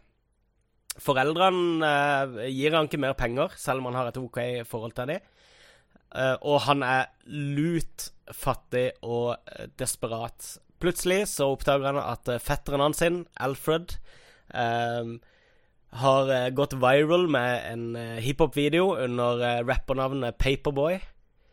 Og han ser jo da selvfølgelig sitt stikk til å manage han og leve ut sin egen rapperdrøm gjennom fetteren sin da, og tjene noe penger på veien. Han klarer å egle seg inn på Alfred slash Paperman, Paperboy, og, uh, og bestekompisen, som jeg tror heter Darius, som er en utrolig fet, uh, merkelig skrue. Sammen så opplever de veldig mye rart i hooden i USA. De, uh, du får en god del samfunnskommentar uten at det er altfor sånn prekende. Um, det er veldig mye humor, veldig mye lun humor, veldig mye uh, samfunnskritisk svart humor. Og veldig mye sånn Curb Your Enthusiasm-type kleine situasjoner som oppstår, humor. Samtidig så klarer han å levere en, eh, en, en dramaserie som også leverer på, på øverste nivå. Jeg elsker den serien. De karakterene er så gjennomførte og realistiske. Samtidig som han, han smører aldri for tjukt på. Han overdriver ingenting, og han prøver liksom ikke å, å, å gni det inn. da Han bare er en hm. Han er veldig jeg skal, flink. Jeg skal ja. se, jeg er veldig fan av han. Ja. Don Glover. Don hva, Glover. hva, er det du elsker? Det, liker du den der eh, svarte kulturen, å vokse opp i fattigdom, hele den skildringa der, eller det, hva er det du relaterer til i serien som gjør at du, at, den, at du faller sånn for den? Altså, Det jeg liker med serien, er at han, han, er så uforutsigbar. Altså, for det begynner i, Når jeg så første episoden, så kontakta jeg en kompis med en gang. Så er endelig en ny sånn Hood-serie som faktisk har noe for seg, som er skrevet med litt, med litt hjerte og litt hjerne, da. Og ikke bare en sånn her uh, bok, bok, bok uh, uh, mentalitet, da. Men så, så etter hvert så skjønner du jo at det handler mer om liksom hva skal du si Opplevelsen som svart i USA, i alle mulige situasjoner, da. Og det Eh, ja, han tar opp veldig mange viktige samfunnstemaer, eh, og han forkler det veldig godt inn. Sånn at, som sagt, du føler aldri at du bare sitter og blir preka til deg og blir fortalt ting. Mm. Og så er han, han er dritvittig når han prøver å være det også. Så eh, intelligent med et hjerte. Han har en unge, og gjett hva ungen hans heter. Eh, det husker jeg ikke nå. Han heter Legend. Han har en far òg, vet du hva faren heter? Nei, han heter ikke det. Danny Glover. Nei, han heter ikke det. det er ikke sønnen til Danny Glover. Men han er, han er faktisk oppvokst som Jehovas vitne. Det er jo en vittig detalj om han. Oi. Og eh, en annen greie var at han kom opp med det der Childish Gambino-navnet kom han opp med i en sånn Wu-Tang rap name-generator på, på nettsida di si da han var kid. Så gikk han bare inn og trykka på 'generate random rapper name', og så fikk han Childish Gambino, og så bare 'yes, det er mitt navn'. Så ble han superstjerne. Hva er ditt rappnavn da, Magnus? En kompis uh, på Instagram jeg, jeg lagde en hot sauce her forleden med masse greier. Så sa jeg denne hot saucen trenger et navn. Og så fikk jeg masse forslag på Instagram, og da var det en kompis som foreslo Dirty Mags, som jeg syntes var sykt vittig. Så jeg skulle hatt et rappernavn. Dirty Mags. Mags med dollartegn, da. Nei, nei. Come on! Det er Det sånn det skal være i dag. Ja, men det er ikke sånn som i dag, vet du. Det er, Nei, men det er liksom den der doble betydninga med magazines, og så er det Mags for Magnus. Og, Ja, ja, ja, Smart ja, ja. tenkt ut. Du, har jo, du fikk jo et hiphop-navn fra vår avdøde venn Tom, som var Mack, Mack, Mack, Magnus. ja. er jo eh, også et, et godt navn. Eh, Lars, ditt hiphop-navn? Ja. Hiphop-navn uh, Biggest Dickus. Heyo! Biggest stomach, kanskje, men uh, vi får Vi får da Ja, den mitt, eh, diskusjonen på bakgrunnen. Rappnavn uh, Botnergården eller uh, Botnergården er bra rappenavn. Ja, ja. Så har du Lorry òg, da, men jeg tror det går for Botnergården. tror jeg bedre. Ja, Lorry er også utested i Oslo. Så det Ja, det funker dårlig, for Ja. det er liksom vestkant. Ja. Ja. Nei, det må du ikke ta. Der slår du ikke gjennom på bilene. Da blir Ok, og du, Jon Cato, sa, du- sa du ditt? Jeg hadde jo jeg, Jeg hadde, var jo Jeg var jo med i en rappduo med MC Clock og DJ Brille. Jeg var han eh, MC Clock, for jeg hadde sånn stort veggur rundt halsen, sånn som han Flavor Flav. Flavor Flav. Altså han DJ Brille, min venn Tore, han hadde på seg 3D-briller, da. Det var vår, vår greie. Det er morsomt. Nok om det. Eh, din anbefaling da, Lars. Du, har, eh, du anbefaler noe norsk. Helnorsk. norsk Du støtter norsk kulturliv. Ja. Eh, jeg vet ikke helt hvorfor jeg begynte å se dem. Jo, jeg så en nyhetssak på VG om at våre gode venner Ylvis, brødrene Ylvis Er de tilbake. gode venner? De har aldri vært gjest i Lolbua, i hvert fall. De har bestandig sagt nei, nei, nei, vi har, vi har ikke tid i dag, Lars. Og så ja, ja, greit, tar det neste gang. Uansett, de er tilbake med et nytt show. Um, og de har funnet ut, da, ser det ut som at de her sangene i sine, sine show tidligere var de mest populære tingene, så de har lagd et nytt show som bare er sanger. Nesten bare sanger. Men så kombinerer de det, sånne tullesanger om ulike ting, men så kombinerer de det med en slags dokumentarfilmsjangergreie, hvor de faktisk har folk som har opplevd eh, da Justin Bieber sølte vann på scenen og nekta å synge. Det er en hel episode på 30 minutter. Ganske fantastisk. Og så er det en episode tre, den siste er om da han Petter Northug kjørte i fylla. Eh, den med han Justin Bieber er kulere. Men det, det er noe genialt eh, oppi det hele. Fordi de, de driver med satire på ikke bare sånn plump, eh, nivå, men de gjør ganske mye bra greier. Hvor de, de, de snakker med Bieber-fans som 100% er genuint elsker han. og de klarer å behandle det på en ganske grei og respektfull måte, samtidig som de lager noen gode poenger i, i det greia. Det heter Stories from Norway, og det er på TV Norge. Jeg vet ikke hva jeg har ikke sett den første episoden. Er det noen av dere som har Jeg aner ikke hva Nei. den handler om. Ikke. Nei, ikke sett jeg- Men jeg ble, var veldig nysgjerrig på det. Det virker som de liksom henter inn alt de har gjort opp til nå. Og Altså med Norges herligste og alt dette her. At de liksom har samla alt nå. og At dette er the big guns, da. Det er veldig høy produksjonskvalitet på har det. De har alltid, alltid vært ekstremt flinke, da. De får jo skryt hver gang de lager noe Ja. nytt, så jeg tviler Ja. ikke på det bra. Det høres jo litt ut som Cannibal the Musical, altså sånn Matt Stone og Trey Parker-opplegg Mm. med å lage musical av, av rare Mm. ting. Ja. Nei, men Jeg anbefaler i hvert fall den eh, Justin Bieber-greia. jeg, bare- jeg så han da jeg reiste i dag, på TV-appen. Plutselig Mm. kunne jeg oppdage jeg hadde en TV-app. Kunne jeg sitte på flyplassen og se Ja. på. Jeg har jo eh, Der går vel Hvis du ikke orker å se det live på TV Norge, og hvem gidder det, da må du jo ha noe sånn Dplay-abonnement eller noe sånt. Så da, da gidder jeg ikke, rett og slett. Så, så høy er min terskel for å orke. Jeg gidder ikke se Atlanta, for jeg orker ikke kjøpe Viaplay. Jeg gidder ikke se det her, for jeg orker Sorry, men det er convenience. King, king of convenience. Jon Cato Nei, Jeg har med tid å gjøre. Jeg har jo, Akkurat som jeg aldri blir ferdig med spill, så stopper jeg jo gjerne serien midt i en sesong òg. For jeg, da føler jeg at nå trenger jeg ikke se mer av den serien. Ja, det er deilig å fullføre ting, da. Kanskje du burde ha sånne Du vet det der uh, nyttårsforsettene til Magnus? Jeg skal lage så og så mange brød, jeg skal spille ferdig så og så mange spill. Jo, men du vet, jeg tror du trenger noe sånt. Lars, jeg har fullført de viktige tingene. Jeg har gifta meg, jeg har fått barn, jeg har fått rekkehus og sånne ting. Så, så, det å fullføre spill og sånne ting, det, det, det er ikke liksom det samme impacten. Men vi vet at ingen blir fornøyd i dagens samfunn uansett. Og i hvert fall du, Jon Cato, høres ikke ut som du er du har litt igjen. På, jeg er jo fornøyd, men det her er min ventil. Det her er min uh, mannegruppa Lars Rikard, uh, er jo det vi, vi, kaller Det er jo det som er kodenavnet på Lolbua. Mannegruppa Lars Rikard. Ja, shit. I like it. Ja, nei. Vi skal høre litt mer musikk, og så blir det litt lytterinnspill, og så er vi ferdige, så skal du slippe unna oss for denne gangen. Nytt uh,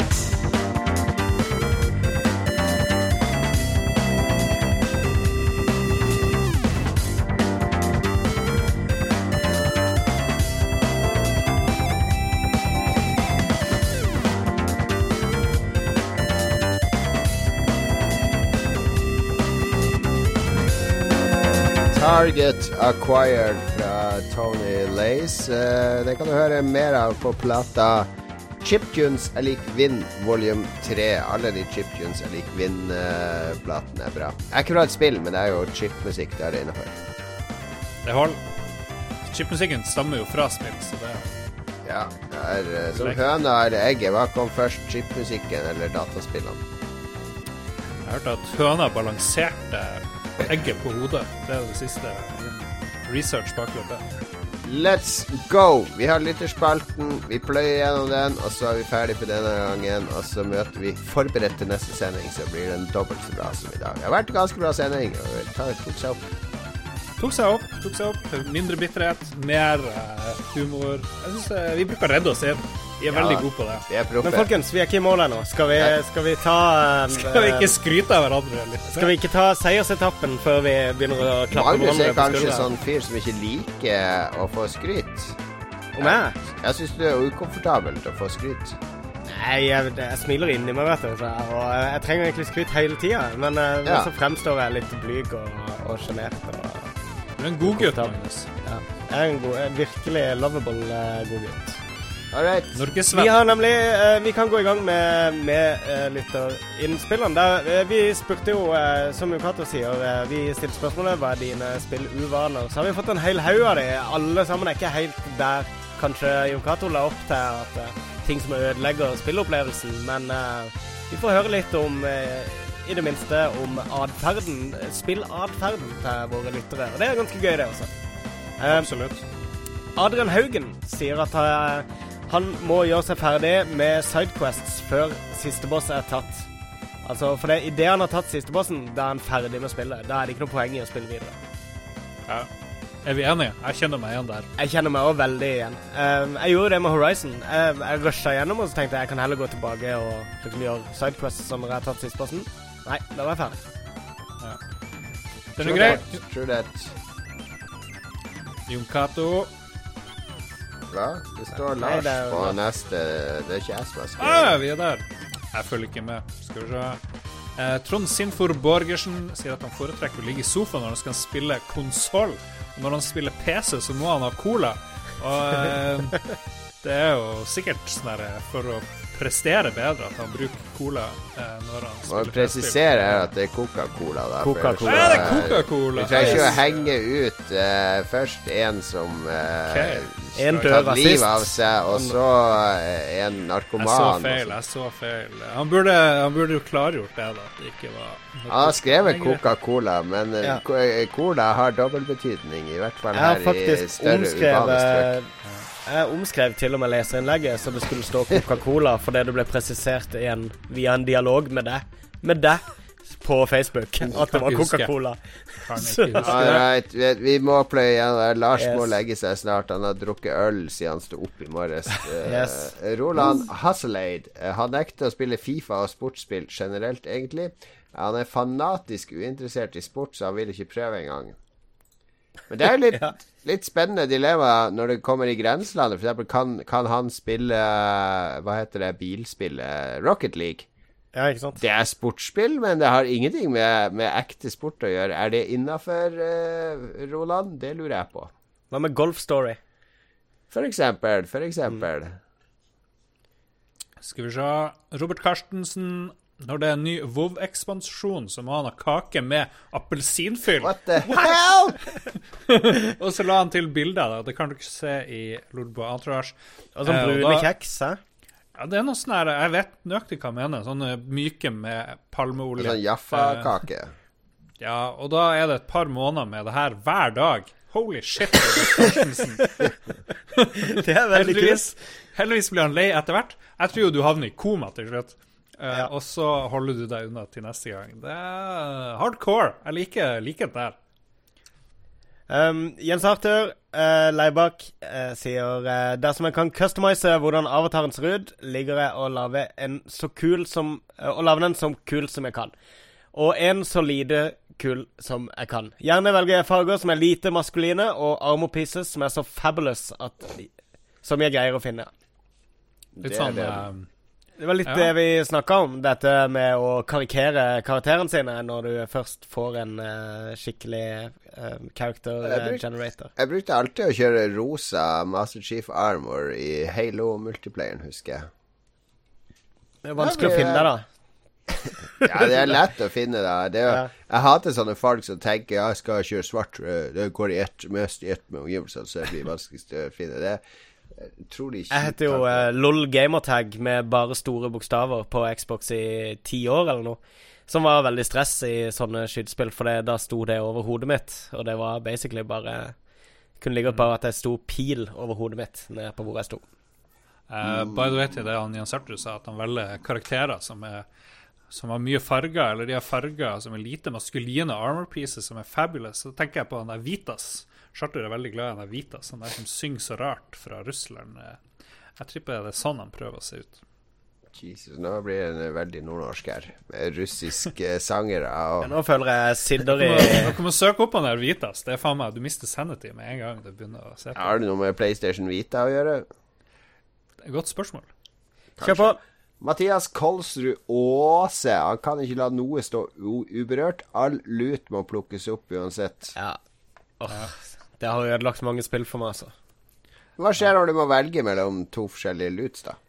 Det er det verste Ja, det er én ting, men det verste er når du begynner å liksom Når, når lommene er fulle idet du liksom er satt ut på et eller annet oppdrag. Så må du begynne å Hele tida så må du liksom tømme ut det minst verdifulle i lommene, må du kaste for å kunne plukke opp den neste attraktive tingen. Det er så utrolig kjedelig. Men Du klarer jo å spille Skyrim uten at du tar med deg alle møblene og alle asjettene og all frukten Ja, det- og alle glassene og all eh, Ja, skinken og all maten inn i hvert eneste hus i landsbyen. Men i Skyrim så går du jo gjennom alle hus og leter etter alle verdisaker i alle det skuffer. Og, Det ja, men det er det mange som gjør. Og Ja. jeg spilte det sånn de to første gangene jeg prøvde å spille Skyrim. Uh, jeg blir så lei av det spillet med en gang, men det er mye av den derre Det ligger et eller annet verdifullt og venter hvis jeg bare gidder å leie det. Syke, syke mennesker. Ja, ja. Henriette Otelie Myrløn, som vi hadde besøk av. Hallo, yeah. Henriette. Friend of the show! Friend of the Friend of the show, akkurat som Ylvis. Hun blir lei å starte et nytt eh, spill, og ender opp da med å spille så mange spill om gangen at eh, hun sikkert mister control. Og plutselig, sier hun, har det tatt fire år å fullføre Mass Effect 2. Ja. Og det, det tror jeg vi alle kan kjenne oss igjen i, Yes. Oh yeah. I think. Ja. Øystein Reinertsen sier eh, dersom jeg skulle finne på å spille bilspill med kontroller på konsollen, så tenderer jeg til å alltid lene hodet den veien jeg vil at bilen skal svinge. Har ført til stiv nakke opp gjennom årene. jeg, jeg har også en sånn, sånn greie med når jeg spiller tredjeperson eh, Tredjeperson type sånn plattformspill og sånn der, og jeg liksom skal kikke rundt et hjørne og sånn, så har jeg en tendens til å, å snu på hodet for å liksom mens jeg står og justerer kameraet. Det er sånn pappa spilte spill. Det er, jo- Så, så når de står og kaster eh, kontrolleren til venstre og høyre Ja, ja, ja. Søstera mi gjorde det første gang hun spilte da hun var sånn fem år. det, er sånn de, det er sånn de spiller når de, når de spiller spill i, på film eller i TV-serier og sånn. Da er alltid sånn trykk og febrilsk. men det jeg syns han eh, Øystein skulle prøve, altså tvinge seg sjøl til å svinge hodet motsatt vei hver gang han svinger, og så se om han kaster opp av det. Altså, spill, spill Tving deg sjøl til å liksom lene kroppen feil vei i hver sving. Og så se om du blir faktisk fysisk kvalm. Det, det har du hjemmeleksa til deg, Øystein, til neste sending. Helge Larsen, derimot, jeg skal finne på en hjemmelekse til han òg. Han prøver å presse seg gjennom spill han egentlig er lei, eh, eller ikke syns er så bra. For eh, han får på den måten fullført mange spill, men det er ikke alltid han føler at det har vært givende å gjøre det. Og det, det er veldig morsomt innlegg, det her, syns jeg, fordi det er jo det motsatte av det f.eks. jeg gjør. Jeg føler meg at jeg kan si meg ferdig med sånn 40 timers storybasert spill etter to timer. Null problem med å, å, å gå fra det og tenke at det har, da har jeg spilt det. Mens han er helt motsatt. Han, han tvinger seg gjennom det. Eh, jeg, jeg, kjenner meg litt igjen i det han sier. Jeg- sånn som i TV-serier, så er det ofte Det er noen TV-serier som kan være veldig treige i starten. Sånn som Game of Thrones, bare. Det, det tar jo i hvert fall en sesong før, før eh, det er underholdende. Og meg og min bror har et uttrykk som er å hate-watche. Det vil si at du bare presser deg gjennom uh, noe som i utgangspunktet ikke er så veldig interessant, bare for å komme til noe som er interessant. da. Eh, og jeg, hadde, jeg kan gjøre det samme i spillet også. Jeg skjønner hva han mener. Og jeg, jeg gjør litt det nå for tida. For men jeg han sier jo at eh, disse. det er ikke noe givende når han har fullført det heller. Nei, ikke sant? For det, det er ikke alltid du ender opp med noe bedre enn det du har pressa deg gjennom. Det er liksom ikke noe eh, gøy uh, i Altså, det lyset i enden av tunnelen kommer aldri. Så uh, ja, utrolig skuffende. Sander Stein eh, sier at hvis han kan gi navn til ting i spill, så blir navnet relatert til funksjon til det han skal gi navn til. Så Q-en hans i Stardew Valley heter melk på forskjellige språk. Holy shit, for en bra, for en bra quirky, quirky ting å gjøre. Så han lærer språk mens han spiller. Det er jo genialt. Det skal jeg begynne å gjøre. Melk heter jo som kjent murk på russisk. Dere trenger ikke slå det her opp. Og lampe er, er melk på, på israelsk, hebraisk osv. Det, det, det trengte ikke jeg å slå opp engang. Um, morsomt, Sander. Og så vil han gi deg, Jon Cato, et bokforslag. Oi. Du har jo mange boktips. Han foreslår Bakano, med utropstegn. Bakano, B-A-C-C-A-N-O. The Rolling Bootleg foregår i New York i 1930. 30 mafia, tyver og udødelige. What? Don't let the anime-looking cover fool you. Jeg skrev det er opp på lista med bøker jeg skal lese. Jeg har lagd liste med bøker som skal kjøpes og leses. Jeg skrev den opp. Bakano er jo uh, Jeg var jo med i en Amiga-gruppe, og vi valgte jo å kalle oss for Bakainos. Fordi han som kom på det navnet, han mente det var sånn italiensk mafianavn. Så det her kan jo være faktisk relatert til, til det navnet, høres det ut som. Jeg tror dere het It. Ja, vi ble it etter hvert, men før det var vi Bakainos. Og så ble vi med The Zapp, og så ble vi It. Men la oss lage en egen episode om det her, da, hvis vi skal begynne å snakke om gammel Amiga-historie. Morgan Slang var hans navn. Han hopper alltid over tutorial hvis det er mulig. Han føler seg så smart at han lærer underveis, og ender ofte opp med å føle seg dum. Ja, jeg hopper aldri over en tutorial. Jeg, jeg hater tutorials, men Ja, jeg, tør ikke, jeg tør ikke å hoppe over de, for ofte så er det sånn at spillet skal introdusere en eller annen sånn merkelig quirk. Altså Mm. Hvis du ikke spiller tutorial, så spiller du bare som et vanlig førstepersons skytespill. Og så spiller du ikke sånn som du egentlig skal spille det. Det Men det jeg også liker, eller liker dårlig, det er når de liksom forkler tutorialen litt for dårlig inn i spillet òg. Sånn at det blir altfor lett altfor lenge før, før liksom selve spillet begynner. Fordi de liksom Vet du hva, jeg vil heller ha en separat tutorial som bare foregår inne på et her virtuelt rom. Og så Yes. bare Sånn, du har gjort det, da kan du begynne å spille. Det verste jeg vet, er sånn Nå skal du være et lite barn, for da, da kan du bare gå. Og så kan du lære å hoppe over bekken her. Og så kan du lære å plukke opp en stein, og så kan du lære å kaste den. At det liksom skal bindes inn i historien. Det er det Ja, ja, verste jeg vet. Og Så er du liksom tolv timer inn i spillet før du liksom har lært deg basic gameplay. Stop it. Um, Trond Nyborg eh, sier eh, at han har blitt eh, ei lita tr trophy-hore med tida. Så fort som det er mulighet for 100% complete og platinum trophy, eh, så angriper Eller så kommer han til å eh, bruke tid på det. Eller så er han glad i å ha drops å knaske på mens han spiller. Det, er, virker Det er mye Det er mye eh, OCD når det kommer til hva folk inntar mens de spiller data. Jeg kan jo du relatere til, Magnus, for du var jo en achievement hunter i et par år. Ja, men jeg, Ja. Jo, jeg, jeg var jo det. Jeg var jo det i et par år. Eh, så jeg, jeg ser den. Det, det ødela spillet veldig for meg. Så, så jeg slutta med det. OK, vi må gå videre. Kian Krogstad sier at han spiller FPS eh, når han er på PC, med lillefingeren på A. Ja, det er, jeg, jeg så den der kommentaren der. Jeg har prøvd det. Altså, jeg sitter nå og prøver. han sitter med uh, lillefinger på A. Ja, da, lillefinger Og pekefingeren er ringfinger på W, og så langfingeren på D. Altså pekefingeren fri. Det er jo helt, det er jo helt absurd. Det, det går jo ikke. Det er, jeg tror han lyver. Ja, men da har han jævlig god lillefinger, for den hadde ikke jeg klart å gjøre så mye med. Jo, du klarer vel å trykke på den. Hvorfor skal du liksom ikke spille med Altså, pekefingeren er kanskje den fingeren vi har liksom mest sånn motorisk kontroll over, vil jeg tro. Uh, nei, det er galskap. Ja, det er galskap. Og vi eh, bare raser gjennom. Philip med F nevner noe med Final Fantasy 7. Ove Petter Tro sier at han må tømme, knuse krukker og sjekke alle tønner og kister i sånne her Zelda-spill, f.eks. Bjarte Rossehaug kaller bestandig karakterene sine for noe pubertalt barnslig, og da har vi nevnt absolutt alle, tror jeg. Kanskje. Sweet baby Jesus. Nesten. Tusen takk. Masse, masse gode, morsomme hangups folk har i spill. Jeg kan relatere til nesten alle, tror jeg. Ja, mange fine hangups. Vi er uh, Beklager min uh, aggresjon i starten. Uh, vi, er, vi jobber mye med å forbedre Lolbua på mange måter, så vi håper at dere får en enda bedre lytteropplevelse i framtida. Har dere noe innspill eller forslag til ting vi burde forbedre oss enda mer på, så er vi jo hypp på tilbakemeldinger også. Det vil jeg si. Men vi tror fra 201 og utover så vil det skje ganske mye i Lolbua. Og vi kommer, vi lover neste episode skal være klar dato eh, for eh, vårt eh, store Ikke, ikke lov noe nå. Vi må jo Må sette en dato, dato da, for guds skyld. Episode 200. Jesus Christ. Det er, det er dårlig. Dårlig.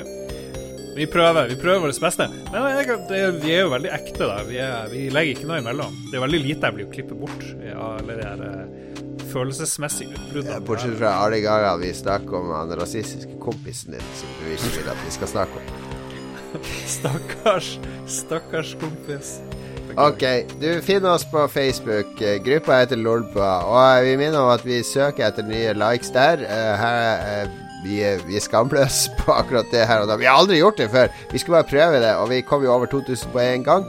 Så nå prøver vi å nå 2100. Hvis det skjer, så lover vi en superkul premie. Det kan være å spise på McDonald's med meg og Magnus, eller et eller annet tilsvarende, hvis du er i Oslo, da. Yes. Men uh, vi, det, blir, det blir en kul premie. Så si fra til tante og onkel og, og bestefar og bestemor og få det til å like sida. Vi driter i om de hører på Lolbua. Vi vil bare ha likes på sida. Um, vi er på Vi kom forresten ikke over 2000, vi kom over 1000. Det er jo Ja, ok, veldig, eh, tusen, da. Men uh, jeg, jeg tenker stort. Tenker alltid stort. Vi er på Twitter, Lolbua, og eh, vi er selvfølgelig på v Vero.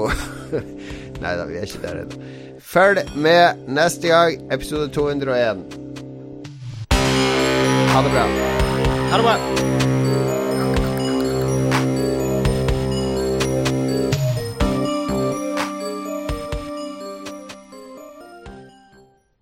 Har du et enkeltpersonforetak eller en liten bedrift? Da er du sikkert lei av å høre meg snakke om hvor enkelt det er med kvitteringer og bilag i fiken, så vi eh, gir oss her, vi. Fordi vi liker enkelt. Fiken superenkelt regnskap.